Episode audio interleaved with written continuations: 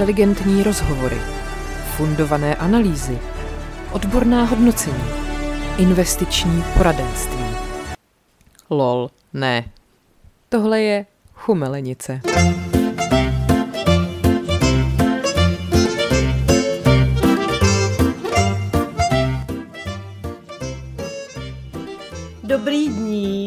Dobrý den. Dneska máme takovou speciální chumelenici, o který už jsme vám říkali v předešlých dílech, protože máme speciálního hosta. Po Vojtovi Válkovi, s kterým jsme se bavili o vínu a to, co do nás teče, tady máme... To je hodně divný. Máme tady... Pana doktora. Pana doktora, s kterým se nebudeme bavit, co do nás teče. Ale spíš... No, ačkoliv. Co z nás může výjít? Dejme tomu někdy, eventuálně. Eh, je to ginekolog, pan doktor Jiří Škultéty. Dobrý den, pane doktore. Dobrý den, ahoj. Budeme, budeme dělat, že si vykáme? Nebudeme, ne, to bychom nevydrželi. Pořádku. Bychom nedali. Já jsem hrozně rád, že před tady byl Vojtěch Válek a ne Vlastík Válek. Válka? Válka jako válka, válek. S tím bychom se asi tak nepokecali. Hmm. Hele, uh, já bych na začátek dala takový disclaimer, protože uh, se mě na to hodně lidí ptá. Já k Jirkovi chodím, je to vlastně, je to můj doktor, ty jsi můj doktor. Střed zájmu. Je to střed zájmu? Hmm. Počkej, ale v jakém smyslu? Že já teď budu muset být hodně korektní, když obyčejně u tebe s tebou nejsem, že? To je pravda. Nemůžeš mluvit třeba konkrétně o Luci, když tady budeme mluvit o nějakých věcech. Počkej, co bys jako o mě říkal? Teď to je všechno hezký. Nebo jsi říkal, krásný to máš celý zlatý. Já se přiznám, já už to nepamatuju. no tak ale. Vidíš, a to mě Dáme vede... pět minut pauzu, Což je možná dobře. no dovol. ne, ale tak hele, to je ta otázka, kterou my ti prostě musíme položit a ty ji nenávidíš, samozřejmě, ano. protože se tě na to ptá úplně každý. Ale zároveň každýho, kdo prostě slyší o povolání ginekolog, to napadne. Ano. Takže se zeptáme za úplně všechny. Baví tě to ještě?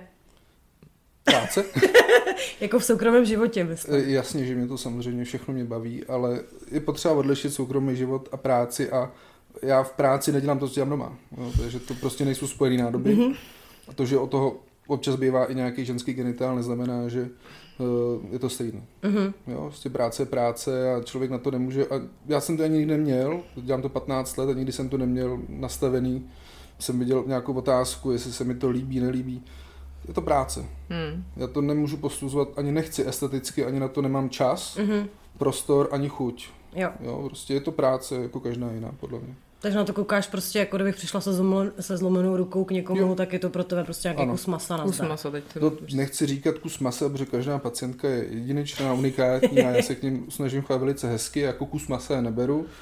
Ale ano, je to prostě objekt pracovního zájmu. Mm-hmm. Což ale člověka pak přivede k té další otázce a to je, jak se stane, že se rozhodneš dělat ginekologa? Úplnou náhodou. A? Pro prachy. To jsem ještě neviděl tenkrát. že možná z toho někdy budou nějaký peníze, ano, jako rodinu uživím, takže v pořádku, naštěstí mi pomáhá manželka advokátka výrazně, ale, ale já jsem třeba Máme čas? Máme, Máme. To je hrozně dlouhá historka. Možná už nebudu muset tím pádem někdy vyprávět, když bude jako Féteru zaznamenaná. Já jsem si v pátém ročníku, na konci pátého ročníku v roce 2007 řekl, že by jsem chtěl končit něčím praktičtějším do života. Chtěl jsem být nějaký chirurg, ortoped, něco prostě operovat, protože jsem učil anatomii, pět let na anatomáku, bavilo mě to, měl jsem k tomu blízko, byť jsem neměl rád krev a to jsem zjistil až později. A pak jsem se to překonal, že nemůžu končit něčím nepraktickým. A v šestém ročníku přišel rozvrh a končil jsem ginekologii. Mm-hmm. A říká, no přece nemůžu končit jako školu něčím, co nebudu v životě dělat, mm. co nebudu v životě potřebovat, co mě vlastně vůbec nezajímá. My jsme už v páťáku měli takový třídenní exkurs, já vždycky stál vzadu, fakt mě to jako nebavilo, protože jsem to měl zafixovaný, že prostě to ženský přirození je takový je hezký, máme to uckoukat a aby se mi to neznechutilo, ty otázky, které pak následovaly, že jo, tak to dokreslovali, ale já jsem si kvůli tomu překopal celý život, celý, celý rozvrh, začal jsem chodit s jiným kroužkem, stalo mi to hrozně jako práce. A díky tomu jsem měl uh, gindu na pomezí semestru v zimě. A díky tomu jsem se dostal na gindu, protože kdybych to nepřehodil, tak jsem prošel jich konkurs, respektive nestihl na uh, Gimpor kliniku do Motola, který byl v Dubnu. A my jsme to měli v červnu. Tak jsem měl v lednu, tam se mě všiml pan asistent Pluta, Řekl jsem nějaký šikovný, vtipný, mladý, hezký kluk. počkej, počkej, počkej. Tohle všechno řekl, všechny tyhle přívlastky. Jo. A to, to je říká, prostě furt... dobrá kvalifikace na to být ginekologem. No, a jak jsem měl, měl tu anatomii, já jsem chodil hodně na sál právě s ním, protože přednášky se přiznám moc mě nebavily, tak když to šlo, tak já vždycky šel na sál, aby jsem takzvaně držel háky a, a to mě to hrozně bavilo a tak si mě vybrali a The rest is history. A to je celý, no. Mm. Tak to nebyla zase tak dlouhá 15 let historka. poté jsem tady. Výborně. Heleď, um, já tady bych chtěla jenom říct, že nám přišlo, nebojím se říct, stovky dotazů uh, a ptáte se na jako velmi široké spektrum témat. a mně se samozřejmě nejvíc líbí takový ty bizarnější věci. Ale ty jsi zatím neřekl, že na nic nechceš odpovídat, takže já si myslím, do toho. že do toho klidně můžeme jít. Prosím tě, tohle mě teda zajímá samozřejmě taky, ale nikdy se ti na to podle mě pacientka nezeptá. Jestli poznáš, kdy měla sex naposled, nebo že ho třeba měla chvíli předtím, než, než šla za tebou na křeslo. Uh, pacientka se mě na to nikdy nezeptala, zeptali se mě na tom na posledním kempu, pět ráno, a přišli zbudit. Doktore, je to poznat? Co? Jestli to, ještě to, do- no nic, jo, tak uh, modří vědí, ale uh, nezeptá a asi záleží jako, jaký byl ten sex, co se u toho dělo, Takhle, co pokud tam ten skončilo. poslední sex vedl k početí, tak to poznáš. a s jakým časovým odstupem jo, a tak dále. Ale ano, já si pamatuju jednoho eh, italského kolegu, co nám přednášel na jedné konferenci, ukázal tam různé fotky různých výtoků, čípků a tak dále, jako v rámci semináře, edukace. A pak říkal, co je asi tohle, tak všichni jsme jako hádali, co by to mohlo být. A on říkal, tak to je sperma, že jo. A nikdo to skoro nepoznal. Nikdo se to nepoznal. Aha. No, prostě je to jako, jako bělavý výtok. Jo. Jo. Že se jako ptal, nějaký bychom zkusili nějaký diagnózy. Říkal, bacha, triky, tohle to prostě může být sperma. Takže až takhle bezprostředně, jako potom, Jo. že, by, že by tam Jo. někdo přišel. OK. Ale jako jinak, jinak jako nějaký známky pohlavního styku v té pochvě, pokud nebyl nějaký Brutální. intenzivnější, či případně násilnický nejsou. Já musím říct, že mě vždycky u ginekologa hrozně fascinuje, jako v dobrém slova smyslu, když dělá ten vnitřní ultrazvuk a přesně mi řekne, v jaký fázi toho cyklu jsem a co jako, no tak teď zhruba to máte asi týden před, že jo, tady se děje tohle a tohle. Já jako chápu, že se to tam mění, ale Ano. stejně jsem z toho vždycky úplně No já tam jako- hlavně nic nevidím, že jo, to přesně... To jsou ty šedý fleky, že Jirka jo? mi to ukazuje na tom Ano, ultrazvuku ano. a říká, tady máš vaječníky, Přesně. tady máš tohle. A říkám, co tam, kdy tam nic není, ty vole.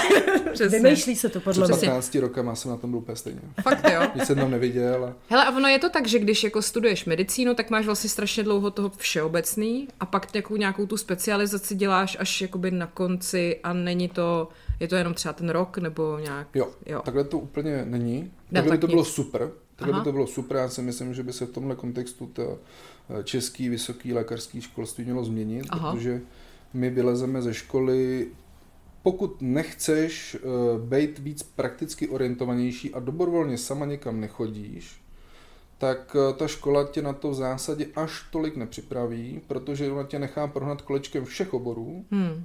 Přičemž největší intenzita pak v šestém ročníku je, jsou ty státnicové předměty, chirurda, interna, ginda, pediatrie, a teď už nevím po 15 letech, co bylo ještě něco tam bylo, ale o tom není, že celá medicína. Takže ty vlastně vyjdeš ze školy, máš všeobecné ponětí o všem, konkrétní ponětí o něčem konkrétním moc ne, a je na tobě, jestli si se už během té školy chtěla někam orientovat a někam sama chodila, protože třeba v těch v rámci fakultních nemocnic, aspoň nás to tak bylo a bylo to skoro na všech odděleních, když jsi byla medička a chtěla si někam chodit, tak tě tam pustili.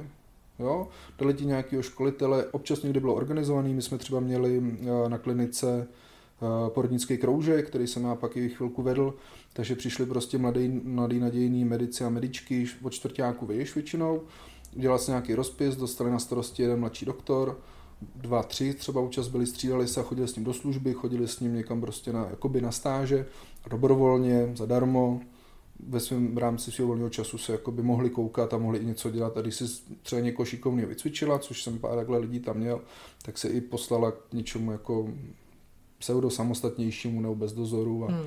něco hlídali. Vždycky jsem ale samozřejmě tam byl. Jo. Mhm. Jo, ale obecně, když nemáš zájem, nevíš, co chceš dělat, vyjdeš ze školy, máš ze všeho státnici, ale reálně, když tě pak postaví k nějakému lůžku nebo nějakou ambulanci, tak se musíš naučit provozem. Mhm. Takže prostě praxe jako u všeho. Přesně tak. Zrovna u té medicíny by mě to Přesně. nenapadlo. Mhm. Viď? Mně by se hrozně líbilo, kdyby poslední, aspoň ten rok byl přesně, jak jsi říkala, praktičtější orientovaný. Hmm. My jako tam máme praktické věci v rámci přípravy na tu státnici, ale to aspoň z, moje zkušenost 15 letá zpátky říká, že to bylo jaký halabala a ne vždycky na nás měli ty lidi čas.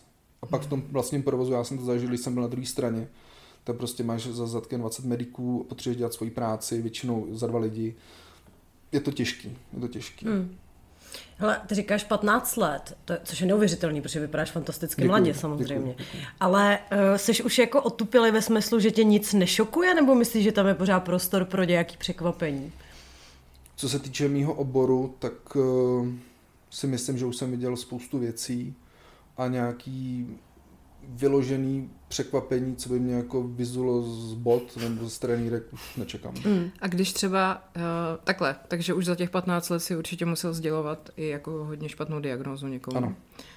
Jak je to potom, když přijdeš domů? Přemýšlíš nad tím před spaním, nebo, si to, nebo to umíš nechávat prostě před dveřma? Potřeba říct, že posledních 8 let pracuji v té eh, ambulanci registrujícího ginekologa. Tam těch špatných diagnóz často za stolik nezdělujeme, protože my většinou jsme v té frontové linii a vychytáme nějaké podezření nebo suspekci na něco, pošleme to dál a tam pak se to řeší. Když jsem byl v nemocnici, tak jsem byl zase na druhé straně, takže tam jsme tu diagnózu upřesňovali a, a, a říkali. Člověk se s tím musí nějak vyrovnat. Ne, ne, neříkám, že to nechávám za dveřma a myslel jsem na to, měl jsem ji takhle třeba konkrétně zrovna v, už přímo v té ambulanci, tak uh, jsem diagnostikoval zubný nádor u mladý slečny. A tak jsem někdy v neděli, když se, dozv, se rozdělil výsledky, v sobotu mi jsem ještě, z- bylo strašně složitý, to byla ta spolupráce ještě s bývalým pracovištěm, tak jsem jí volal, nemusel jsem jí sehnat, jak jsem to, to myslel a tak. Tak eh, není to jednoduchý, na druhou stranu um, nějak se to udělat musí, no. Hmm. Ale nenechám to před dveřma, ale že, že by jsem jako před spaním na to myslel, to, to zase nešlo, to nejde.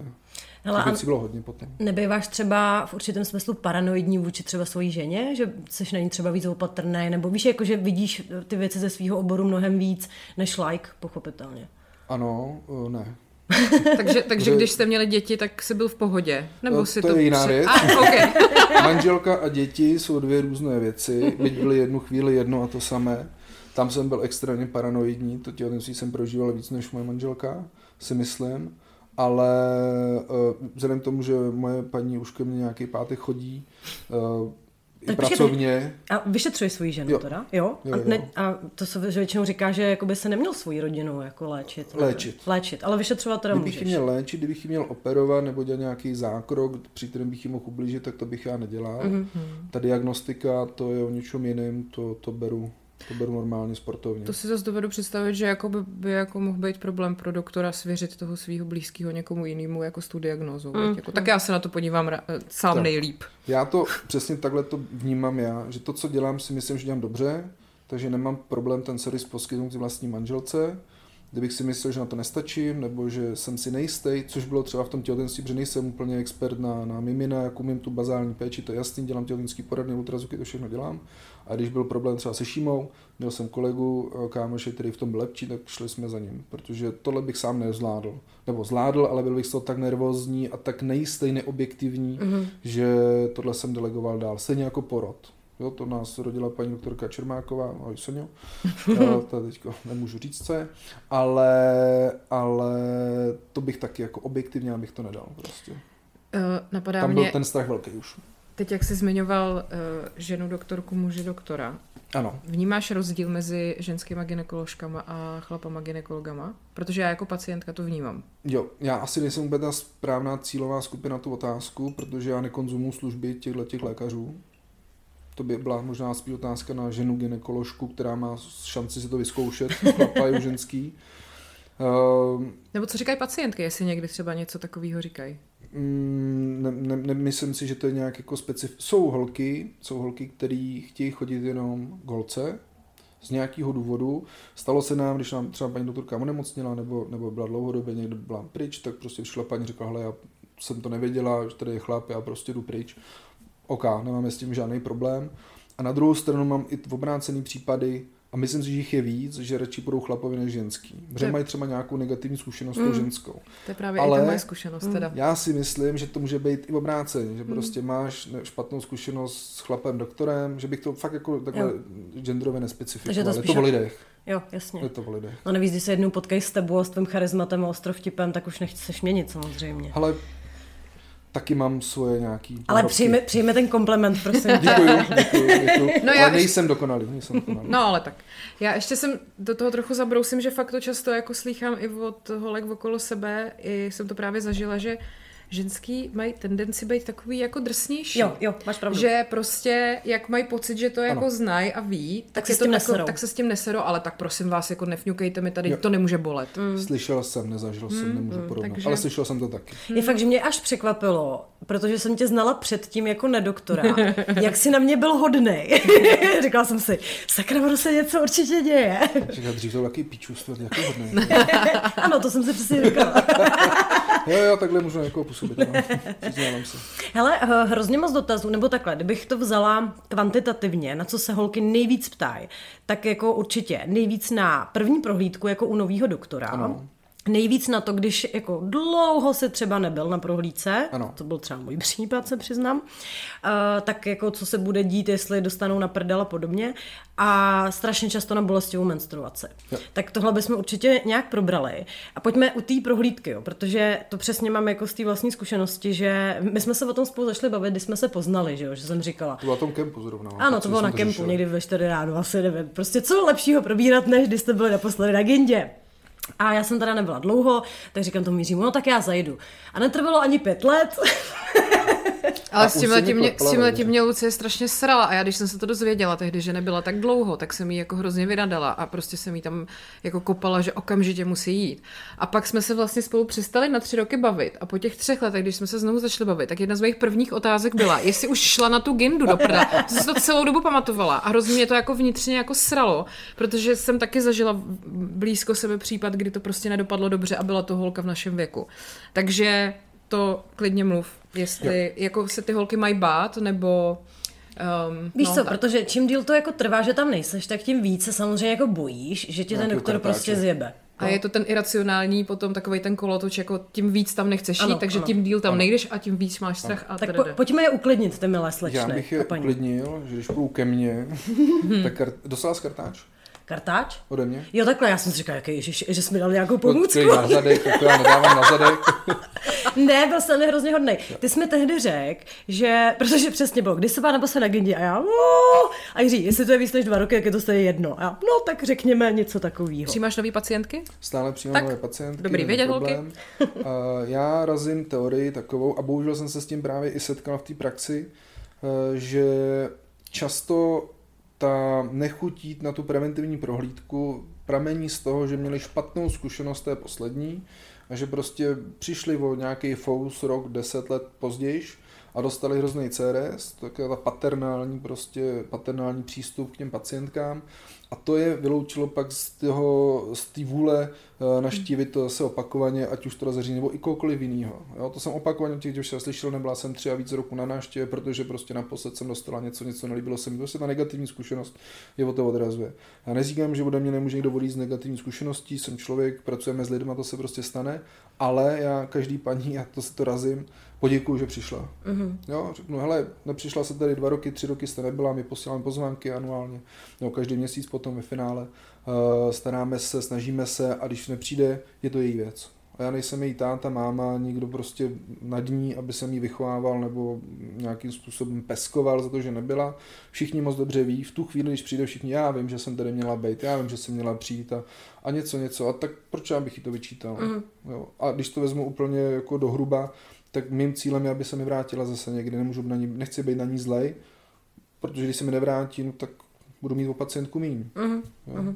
Hmm. A taky ten zdravotní systém bude potenciálně víc zatížený třeba člověkem, Určitě. který má nějakou horší už V tomhle já nemoc, jsem sobec, já myslím hlavně na sebe. Samozřejmě. Nevydělám si peníze, jo? když nepřijde paní, dostanu míň.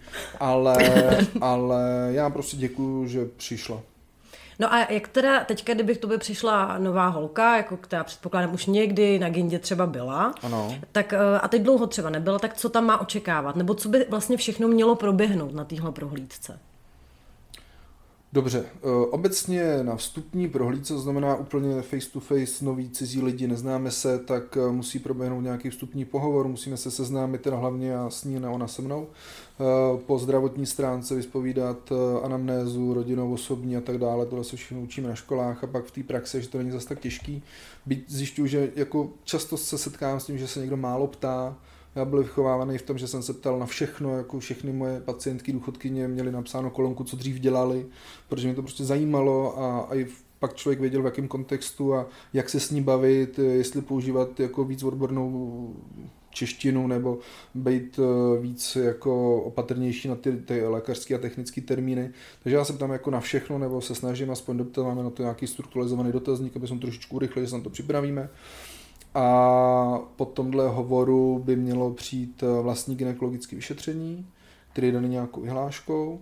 A v rámci toho vyšetření přijde jako paní si prostě to řeknu, sedne na to křeslo, dá nohy kam má, tak nejdřív se koukáme, jak ten genitál vypadá zvenku, jestli tam nevidíme na pohled, na první pohled nějak něco špatného, zavedeme uh, gynekologický zrcátka, prohlížíme si stěny pochvy, prohlížíme si okem uh, ten děložní čípek, máme k tomu i zvětšovadlo, tomu se říká kolposkop, takže ty, co s tím umí, tak se koukají přes ten kolposkop. Uh, když je někdo extrémně šikovný nebo má na to speciální licenci, může si něčím omatlat ten čípek, aby se mu zvýraznili nějaký kresby na tom v rámci toho epitelu, což třeba já dělám, protože jsem se to naučil v motole. Protože a... jsi šikovný. Děkuju. My jsme jsem, to pochopili. Měl jsem, měl jsem dobrou školu, zdravím Marka. A to je ten, co říká, jsem nechytrý, šikovný a, a tak dále. To ten mě spoustu věcí naučil. A já si třeba myslím, že třeba tohle to konkrétně je něco, co je výběrový a dělá se to až třeba v nějakém druhém, třetím kroku a nedělá se to při té první nebo v nějaký preventivní kontrole. Já jsem se to naučil, já s tím prostě vždycky jsem takhle dělal, tak já to dělám i teď, tak se mi občas stane, že tam vidím něco ještě předtím, než vlastně ta cytologie nám přijde, a taky ne vždycky to mám pravdu, ale to se pak do určitou cytologii. Mm-hmm. Jo, že občas to možná i vede k nějakému v úvozovkách zvýšenému stresu té pacientky, že něco tam vidím, nevím, jsem úplně jistý. A to už je pak otázka komunikativnosti toho člověka, který to musí, musí vykomunikovat, že Ježíš Maria, tam něco máte a teď 14 dní budeme čekat. Jo. No tak to, to, ne. to, to bych neměla radost. No to ne, takže to, to si myslím, že už umím.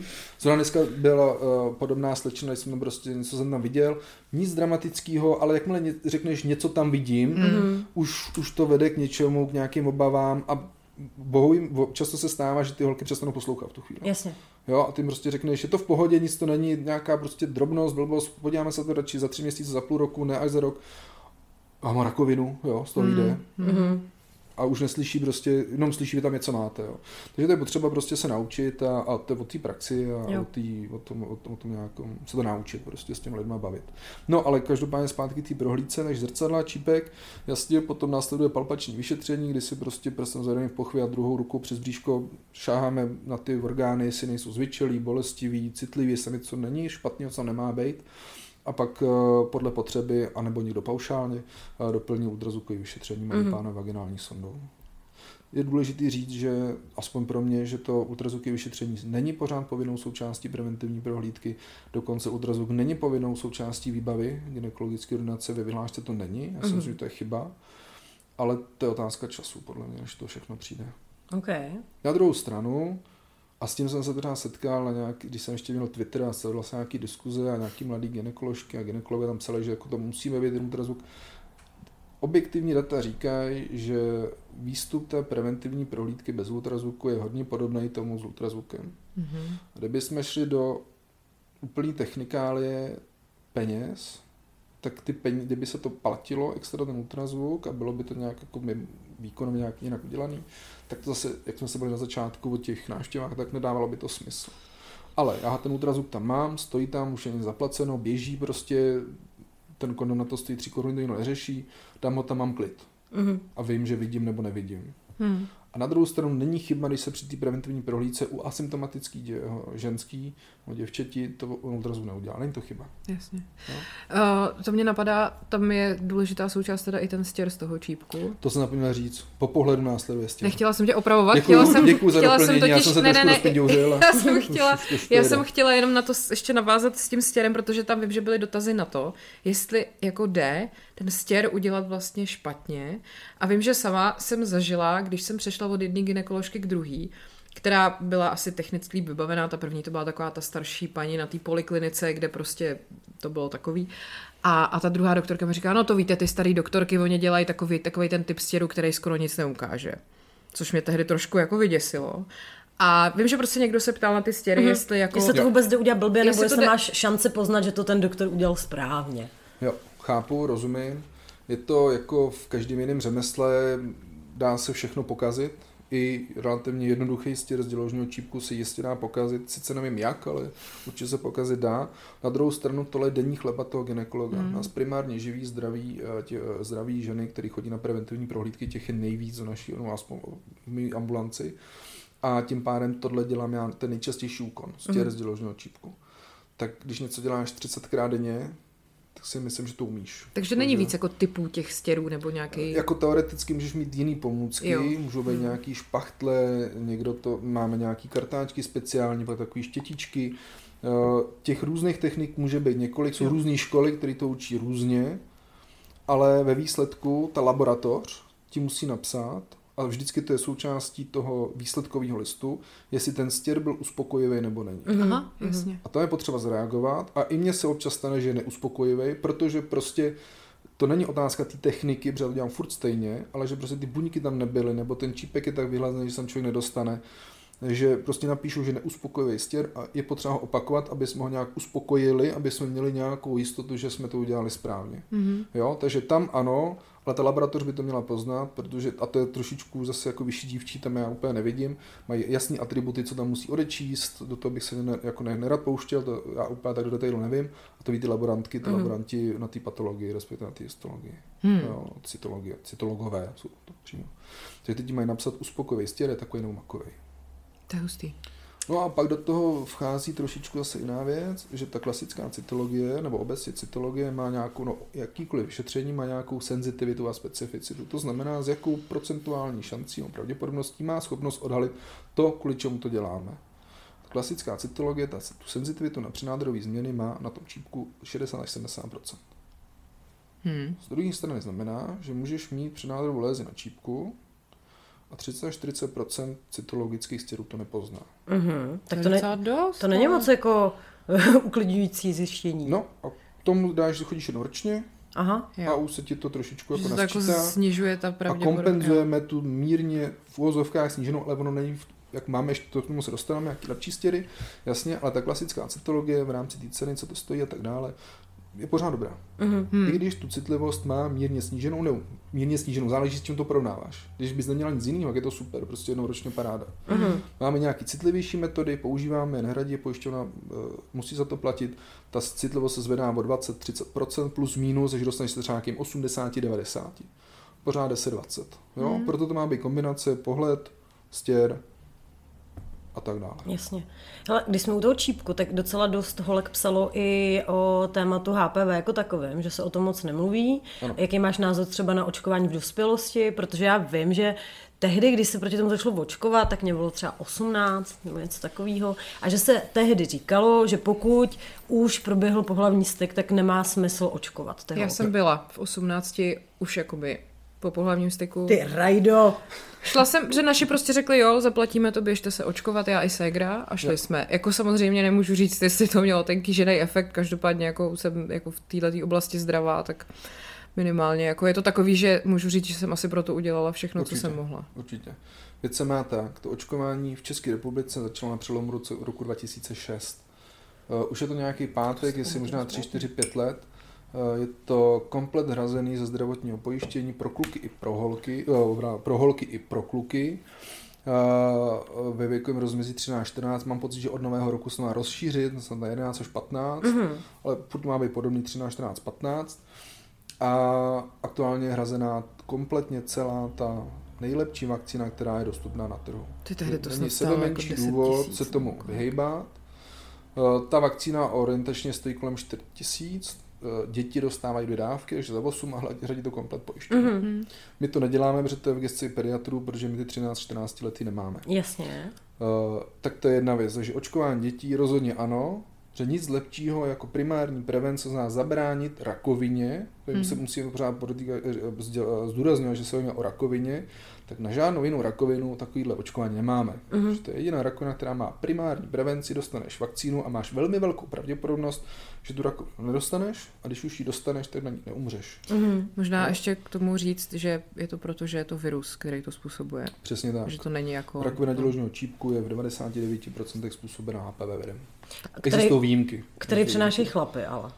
Přenáš to holky. Jo? Já myslím, že chlapa, že? Před, mezi sebou přenášíme. Hele, a když mluvíš o tom, eh, že se dají očkovat i kluci, což třeba já jsem nevěděla, dokud se mi to neřek, tak eh, což mi přijde jako super, ale spíš by mě zajímalo, jaký je o to zájem, teda jestli vůbec jsou známí nějaký čísla nebo nejsou. Aktuální data, mám pocit, že to je před loňským roku, tak ta kohorta 13-14 let, tak měli 70% holky, 40% kluci. Mm-hmm. Takže plus minus se bavíme o tom, že lehčí, větší polovina dětí je dohromady, tak je proto na to očkovaná, což je málo. Mm-hmm. Kdyby se potřebovali, tak jako 80 plus celá populace. A oni se to dozvědí jako u pediatra teda? Ano. Jo. Pediatra. Je to tak, že to HPV zároveň tím, že se může přenášet i do jiných částí těla, může vlastně ano. způsobovat i rakovinu uh, hrtanu, že jo? Ano. Protože to můžeš dostat, že jo? Jak? No, ano. hádej. Já nevím, vysvětli mi to, prosím tě. Prosím tě, orálním sexem Aha, se to stane. dobře, tak jo. Co to je? Lucie nezná. Lucie to dělá takhle přes prostěradlo jenom s dírou. no. Jak to víš? Pavel říkal to. No, že, že to je vlastně ještě jako docela, uh, že to není jako, že tím zabráníš jako jedný, ale ano, vlastně dalšímu. Ano. Jako... Není to jenom otázka čípku, dělá to i uh, karcinom penisu, vulvy, hmm. uh, konečníku, ten hrtán. Uh, úplně extra jsou genitální bradavice, které můžou být taky, eh, ne přímo genitální, ale můžou být ty, ty papilomy hrtanu. Mají to občas i, i malí děti, je to Ty jako extrémní problém, laserem se to odstraňuje, mm-hmm. jsou jako specialisti, dětský urologisti to dělají. Takže opravdu jako ten záběr toho HPV je poměrně široký, ale zase se musíme bavit v tom kontextu, že toho HPV na tom čípku, těch čípku je nejvíc, karcinom penisu, neznám přesný čísla, hlavy nedostanu, ale těch je jako řádově méně než, než čípků, hmm. tak to není taký téma, prostě hmm. ty populaci tak nerezonuje. Ale to škoda, protože prostě ta vakcína je jako minimální nežádoucí nebo vedlejší účinky, bolí tě ruka, máš to trošku červený, zvýšená teplota, taky ty extrémní vzácnosti, co se popisují jako ve světě, spíš v nějakých bulvárech, než by to bylo v reálné jako medicíně, to jsou zlomky zlomků. Není to absolutně důvod k tomu neočkovat. Mm-hmm. Jsou to zcela zástupný problémy, zcela zástupný, že ten benefit z toho očkování a nepropagují značku, propagují to očkování jako takový, je prostě nezastupitelný. No a co v té dospělosti teda? V dospělosti to je trošičku jiná otázka, tam už je potřeba se tím malinko zamyslet, protože obecně, kdybych z toho chtěl utíct ty otázky, tak řeknu ano. Očkujme se i v dospělosti, očkujme kohokoliv, nemusíme nad tím přemýšlet. Mm-hmm. Ale ta vakcína stojí 4 tisíce, dávají se tři dávky, stojí to 12 tisíc. Já vždycky říkám na sádskou holkám v ordinaci, stát to pětistovku, pícháme to všem do ramene prostě ve dveřích. Mm-hmm. Stojí to nějaký peníze. To nemá, do nakačky nekouká, ať se nechá očkovat, protože jistě z toho nějaký profit může mít je hrozně špatně se to počítá, hrozně špatně se to odhaduje, protože prostě ta populace je tak heterogenní potom a těch faktorů, co na to působí, je víc, že se to hůř počítá než u těch dětí. U těch dětí víme, že ta vakcinace zabrání jako naprostý většině případů rakovin. Takže dalo by se s nadsázkou říct, když tě navočkujou v dětství teď tuhle vakcínou, co je, tak máš 97-8% pravděpodobnost, že nebudeš mít rakovinu děložního čípku. Mm-hmm. Že úžasný. Mm. Jo. Kdyby jsme se podívali do Austrálie, kde to plošní vakc- ta plošná vakcinace probíhá už docela dlouho, se 10 let posledních, tak tam už to razantně padá dolů, ta incidence je úplně už někde, oni v roce 2030 chtějí mít rakovinu čípku jako vzácnou. Aha, to je super. My u nás máme jako běžnou. Mm-hmm. Jo? A je to jenom díky té plošní vakcinaci. No, tak to je docela dobrý testovací vzorek, taková Austrálie. Jo? Ano, no je to ohraničený, že no, migranty se tam moc nepouští, takže to mají hezky eh, napozorovaný a, a mají docela dobrou statistiku, takže do, do, do, do koho to zajímá, tak si vyhledá Austrálie HPV, tam se to všechno dočte, ty čísla a tak. No a u těch dospělců se odhaduje, že to je někde mezi 60-70% té účinnosti. Mm-hmm. Docela pro někoho dobrý. je to málo, pro někoho je to moc, za 12 tisíc. Jasně. Jo, takže v tomhle kontextu je potřeba to posuzovat. Pak je taky potřeba eh, říct, OK, jsem sexuálně aktivní, mám jednoho partnera, věřím tomu, že ten partner nemá jinýho partnera než jsem já, To znamená, jestli jsme někdy měli nějaký HPV, už ho mezi sebou máme. Neplánuju žádného jiného sexuálního partnera. V tom případě to očkování zřejmě asi už smysl nemá, protože nemám jak to nový HPV, na který nejsem zvyklá, neznám ho, jak získat. Mhm. Jo? Jasně. A to, co už mám, tak to už mám. S tím žiju, to, S už, tím to žiju, už s se tím nezbavím. musím poprat. Mm. Jasně. Velice pravděpodobně se toho zbavíš, ale ta vakcína ti s tím nějak nepomůže. Mhm. Jakože zbavíš, jako ten virus Sama. tobě nezůstane? Může, nemusí. Aha. Okay. Jo? Obecně u té infekce se to má tak, že říká se, že plus minus 80% celé populace kluků i holek se s tím virem ve svém životě potká. Mhm. Máme 80% případů rakovin mezi celou populací nemáme. Jo, to znamená, že ono to udělá jenom u malé části naštěstí populace, takže nějakých 93 až 5% lidí, co se s tím potká, to vyléčí samo. To je takzvaná transientní přechodná infekce. Mhm. Přijde, odejde. Mm. A potom ani Nic nemusíš neudělá. vědět asi, ne? A nemusíš o tom ani Jo. vědět, přesně tak. To si říkal, myslím i mě, že ty můžeš mít, ty, to budu říkat totálně laicky, jo, tak mi když tak oprav, ale že můžeš mít nějak zvýšený ty hodnoty právě jenom proto, že máš třeba novýho sexuálního partnera, ty na to přijdeš, na té gindě, ale já třeba vůbec nemusím mít vůbec žádný problém o ničem nevědět, takže ty si to potom pohlídáš, uděláš nějaký kontrolní testy, je to tak? To ne, Dobře. ale, ale teoreticky, teoreticky ano, prakticky to je trošičku složitější, protože my neumíme zjistit, jestli ta infekce je nová nebo nějaká Mhm. mm-hmm. starší. Mm-hmm. Jo, to, na to ten, ten test ti řekne, je tam takový a makový vir, nebo je z takový makový skupina, neřekně ti, je od Franty od Pepika. Mhm. Mm-hmm. Jo, a nemá smysl, a na ty, ty dotazy dostávám, testovat toho Frantu nebo Pepika, Jasně. aby jsme si řekli, který je který. Počkej, a teď mě ale napadá, Nešlo by takhle někoho totálně usvědčit z nevěry, kdybych třeba, já nevím, žila prostě v monogamním svazku a chodila pravidelně na prohlídky, měla všechno v pořádku a najednou by si zjistil, že ten virus mám. Neznamenalo by to, že to mám od toho partnera, který teda se někam odběhl? Jo, ne.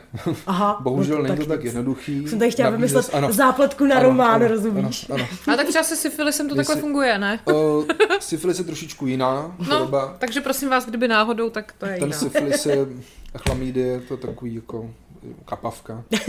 To je, to je jako spíš usvědčující, ale to HPV bohužel v tobě může být i x let. Mhm. Nemusíme od něm vůbec vědět, ty testy vůbec nemusí zachytit. Obecně se nedoporučuje testovat holky mladý 30, mladší 30 let, protože tam je vysoká šance na to, že ho budou mít. Aha. A vysoká šance na to, že ho samé léčí.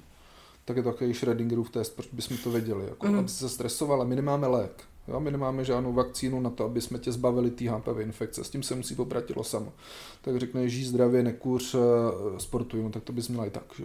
Mhm. Takže tam jako s tím moc neuděláme, že paušální testování mladých holek nemá absolutně žádný smysl. Mhm. Má smysl testovat, a na to máme doporučení postupy, máme pavouka, co dělat, když máš takový makový nález cytologie. Kež bychom to všichni uměli dobře, ale to už je asi jiná pohádka. Takže, takže HPV se testuje ve chvíli, kdy třeba ten nález té cytologie není úplně OK.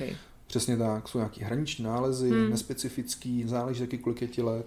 Když to je nespecifický, tomu se říká askus, máš v 20, testovat HPV nemá smysl, máš ho ve 40, testovat HPV smysl má. Mhm. Dneska, poslední dva, tři roky, to je, myslím, máme nový screeningový program. V 35, v 45 a od ledna letošního, příštího roku bude mít 55, se dělá HPV v rámci cytologického screeningu jednoročně, nebo respektive v rámci té prevence v tom věku, 35 plus 364. Jo, to si pamatuju, tak říct, je, to by už bylo 35, no tak to- uděláme testíček. Tam to svítí červeně. Tak No, to, mě, to je- to mě čeká, to mě To čeká je, v moc, únoru, to, no. to, je moc, tak, to je asi to nej, nejméně příjemný z celé té prohlídky, Jo, musím Přesně, říct. já vím, paní Mopičková, vám už bylo 35. Vím. Díky. tak vám pojišťovna dává test k výročí. Jo?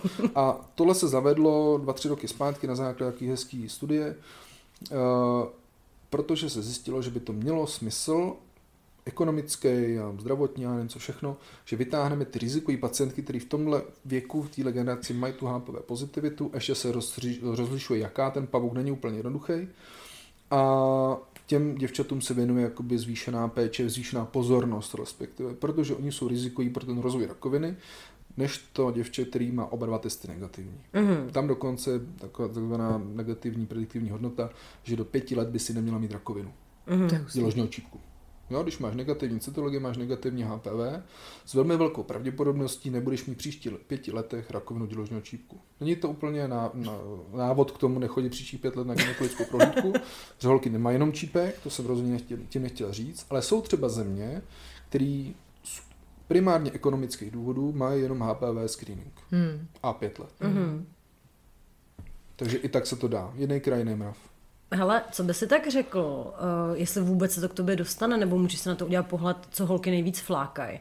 Z tvýho jako odborného pohledu, jsou to třeba prsa? Nebo něco úplně jiného? Hele, Co se týče prevence, jako myslím. rozumím, víš? rozumím otázce, je to hrozně těžký říct, protože záleží asi na eh, generaci, na kterou se ptáš. Mm. Jestli to jsou mladší děvčata, starší děvčata, mají děti, nemají děti, mají starosti, nemají starosti.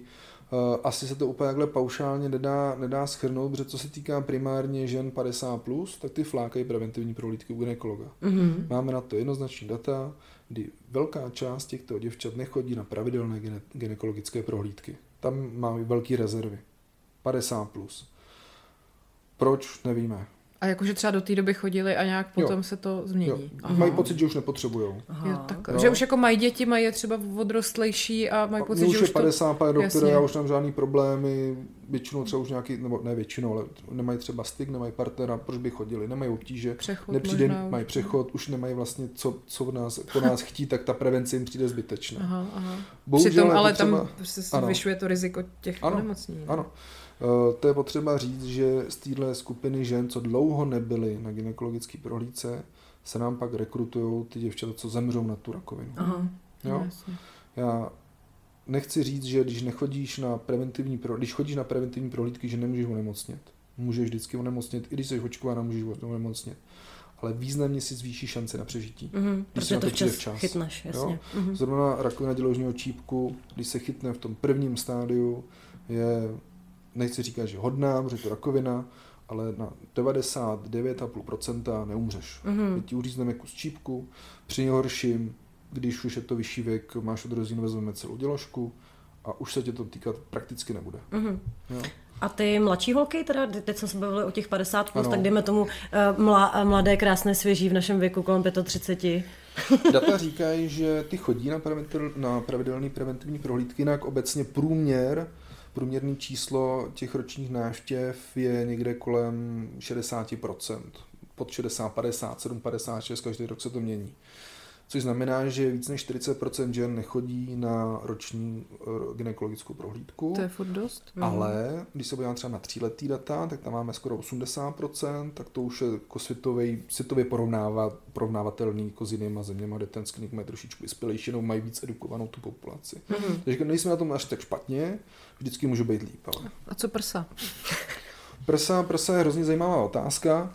V Čechách máme organizovaný screening mamografem od 45 let, hrazený ze zdravotního pojištění, čímž by se dalo říct, že pro mladší děvčata nic nemáme. Ultrazvuk. Máme ultrazvuk, na druhou stranu tam eh, to vychází tak, že z toho ekonomického, já vím, že to zní hrozně blbě, jo, ale prostě, kdyby jsme všem dělali ultrazvuk prsu, tak nevychytáme tolik rakovin, aby to odůvodnilo Ten výdej. ten výdaj a tu zátěž. A pak by se nedostalo na jiný. Mhm. Obecně každý screening vždycky musí být eh, vy, vymyšlený tak, aby zaujal co největší populaci, aby byl jednoduchý, opakovatelný, levný a dobře eh, interpretovaný. Mhm. Jo? Takže nějaký speciální vyšetření, což za mě už ultrazvuk prsu je, tyhle kritéria zatím nesplňuje. Hele. Ale populačně. Ale indy vindy, když ty půjdeš prostě na, na, na ultrazvuk prsu, tam tě někdo šikovnej ošoumí, jak my říkáme, tou sondou, a zjistíš, že tam nic není, tak super pro tebe konkrétně Hmm. to má tu informační hodnotu. No já třeba jsem si loni řekla, že jako budu chodit jako každý rok na ultrazvuk prsou a platím si to. Jako Jo. je to jednou za rok, já nevím, teď jestli pěti kilo nebo tisícovka. A byla jsem teda loni a letos a přijde mi to jako, jakože dobrý, protože mám i ve svém okolí jako Rozumím bohužel případ, který... No, takže uh, jako... Většinou k tomuhle vede právě nějaká ta smutná zkušenost okolí. Jo? A je otázkou, je to moc nebo málo? Jako peněz nebo? Interval Jo, Interval. i peněz. jo. Mhm, Jo? mhm, Tohle ti nikdo neumí říct. Jasně. Tebe to uklidní, jasně. tobě, ty tomu věříš, Hmm. ty máš z toho lepší pocit, tobě nevadí za to ty kačky dát a to vyšetření tě neotravuje. Proč ne?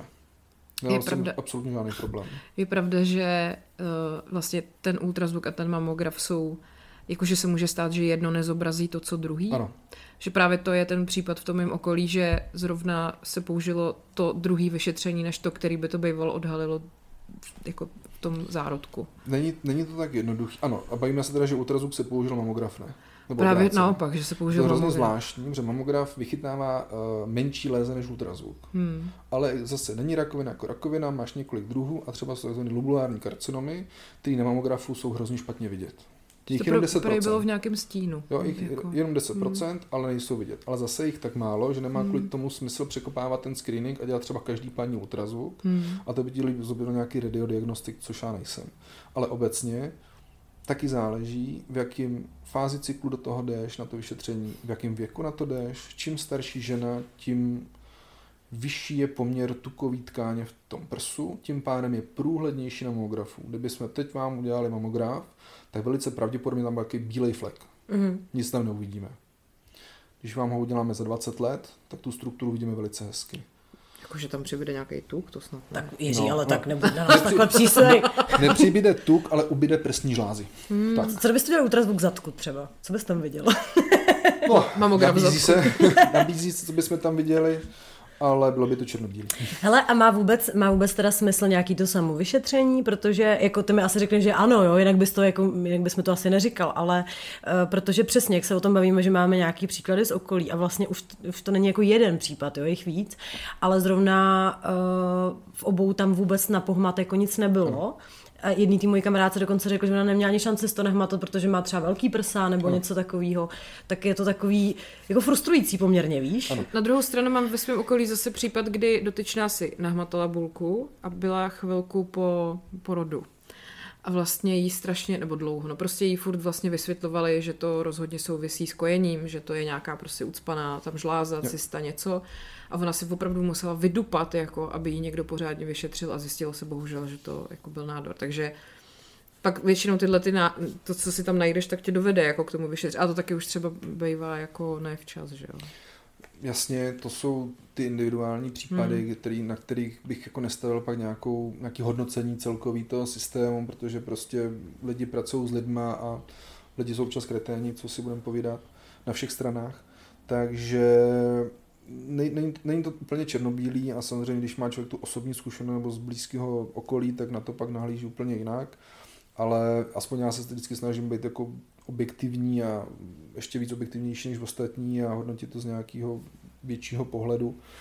Tak tohle se prostě stává, ale jsou to jako výjimky. Mm-hmm. Jo, třeba tě hrozně, eh, nechci říct, že populární, ale je, je prostě teď takový trend právě těch ultrazvuků prsů mladých holek a mladý holky se straší rakovinou prsu nikdo neřekne, že rakovina v České republice prsu do 30 let je u kolika holek. Víte to? Nevíme. Je to málo Plus určitě. minus 30. Říká se 30 do 30. Aha. Jo? Plus minus autobus. Ale plus minus autobus ze 7,5 a něco tisíce případů ročně je, jsou ženy mladší 30 let má smysl kvůli, já, to zní to blbě, když to řekneš na hlas, jo? ale má smysl kvůli 30 případům za rok skenovat těch ne. 100 tisíce děvčat, kdy ten útraz víme, že nemá zas až takovou záchytnost jako ten mamograf a mamograf v té fázi nemůžeš použít, protože to je moc mladý. Mm-hmm. Indy, vindy určitě jo. jo. Zatížená rodina, anamnéza, strach a tak dále, není problém. Ale zase bych se tím úplně neděsil, ale ano, čím budeme starší, tím víc těch případů budeme potkávat a nebudou to jenom prsa, prostě čím jsi starší, tím víc máš rakovin, tak to je. A ještě obecně, když třeba teda dotyčná má v rodině nějaký případ rakoviny prsu, ano. měla by jít na to genetické vyšetření, aby se zjistilo, jestli je zatížená tou dispozicí? Uh, díky za otázku, protože je hrozně zajímavá. Uh, ne, respektive hrozně záleží na tom, kdo v té rodině měl jakou rakovinu v kolika letech. Jo, a když to jo? třeba, dobře, když třeba maminka měla rakovinu prsu nebo rakovinu dělohy? Uh, rakovina dělohy nebo do toho genetického testování pardon. úplně nespadá, jsou to vaječníky. Vaječníky jsem myslel. Tak uh, ano, pokud by to nebyla maminka 80+. Plus. Uh-huh. Tam už to pak smysl nedává, protože ta genetická zátěž tam zřejmě není, jestli vůbec nějaká nebo je nějaká malá. Ty geneticky vázané karcinomy se typicky objevují v mladém věku. Hmm. A jsou to většinou i typické rodiny. Jo? aby, aby doktor eh, mohl nějak fungovat a měl nějakou prostě rozumnou praxi, která je schopná jako funkce, jak máme doporučený postupy. Takže máme tabulky, máme, máme napsáno, co komu kdy dělat a zrovna na tohle genetické testování existuje doporučení genetické společnosti a máš tam tabulku, co kdy komu jak. Mm-hmm. Jo? A ano, někdo si přečte v novinách, je genetické testování, Angelina Jolie to rozdělá, že jo, tehda tu velkou vlnu, ale zase si musíme říct, že prostě stojí to milion peněz. Budeme-li to dělat všem, co nesplňují ty kritéria, které se byly vymýšlené pro to, aby to byl schopný přeživatelný systém, udržovatelný, udržitelný, tak eh, pak to by to smysl nedávalo. A zase hmm. třeba platit si to sám, to znamená, ty testy stojí jako docela dost peněz. Mm. Takže. Mm. A když Záleží třeba, indivindy. Prostě. A, a když třeba ženská teda tuhle tu nemoc má, uh, vyšetřuje se automaticky na to, jestli má tu genetickou verzi? Zase jako aby se pak, aby se pak řeklo, tabulky. vaše dcery by jo. měly se jít taky vyšetřit. Jo, jsou třeba. na to tabulky. Jo, jo. Jo. Hmm. Určitě já teď tu tabulku nemám v hlavě, protože tím primárně se nezabývám. Dřív jo, teď už ne. tak uh, když by to byla 40-letá žena, co má, uh, co má rakovinu prsu nebo rakovinu vaječníku, tam jistě je to indikovaný. Hmm. Ale de- detaily jsou prostě v těch tabulkách. Já jsem no, se ptala spíš jako kvůli tomu, že právě ty lidi můžou být jako v klidu, že by asi jim to ty doktoři řekli, měli byste se jako ano, tak. Ano. To takhle, by to, takhle by to mělo probíhat a myslím si, že to i tak probíhá. Jo, výborně. Super. Já se úplně děsím, že, že tady rozvrátíš víru v celý systém, že ne, ne, potřebujeme trošku, Já myslím, trošku že, uklidnit. Že systém funguje, jsou nějaký výjimky, ale to je vždycky a všude. Ale co je třeba říct, a to taky často řeším, že prostě babička měla rakovinu prsu, bojím se toho, chci se nechat testovat, je potřeba se podívat do těch tabulek, je potřeba, jsou na to nějaký vzorečky, které ti to řeknou a vždycky platí to. Straší tě to, děsí se toho, zaplať si to, nech si to udělat, hmm. uklidní tě to. Zeptej se doktora, jestli máš na to nárok ze zdravotního pojištění, jestli tam společně nějakou indikaci. Velice pravděpodobně ta jedna babička to neudělá, protože to je druhá generace, takže ta ti osobně nezvyšuje riziko rakoviny prsu do života. Často to bývá babička 60-70 let plus, což je bohužel typický věk pro rakovinu prsu a tím pádem tě to geneticky nějak neovlivňuje. Mm-hmm. Jo? By nemělo. Ale teda celkově z toho všeho vyplývá, že jako jak jsou ty procenta, nikdy ne 100%, ano. že jo? Tak prostě vždycky k tomu všemu musíš mít trochu štěstí, no. No, nebo smůlu. Nebo smůlu. A nebo smůlu, no. Hmm. A nebo smůlu. Uh, dáme teďka malou pauzici, nebo pauzici, spíš uh, takovej takové překlenutí. Dobře, pojďme se překlenout. Ale neuvěřitelný, ale my už se bavíme 50 minut s tebou, Jiří, ty jsi tak poutavej, to je úplně neuvěřitelný. Ještě jsme nezodpověděli skoro žádný dotazy. Každopádně budeme se bavit o té bolestivé menstruaci, to mm-hmm. jsme mhm. slíbili. Budeme se bavit o pcosu, protože tady na tom taky dost dotazů. A potom o nějakých bizárech, který prostě se nemůžeme nechat ujít, aby jsme to trošičku odlehčili, tady to téma, jo. No a tohle všechno, prosím vás, zbytek bude na Forendors. Takže tam za náma pojďte, anebo zůstaňte, kde jste, jestli už tam jste. Děláte to správně. Nebo tam nechoďte, že jo? Nemusíte. No nebo nemusíte, přesně tak.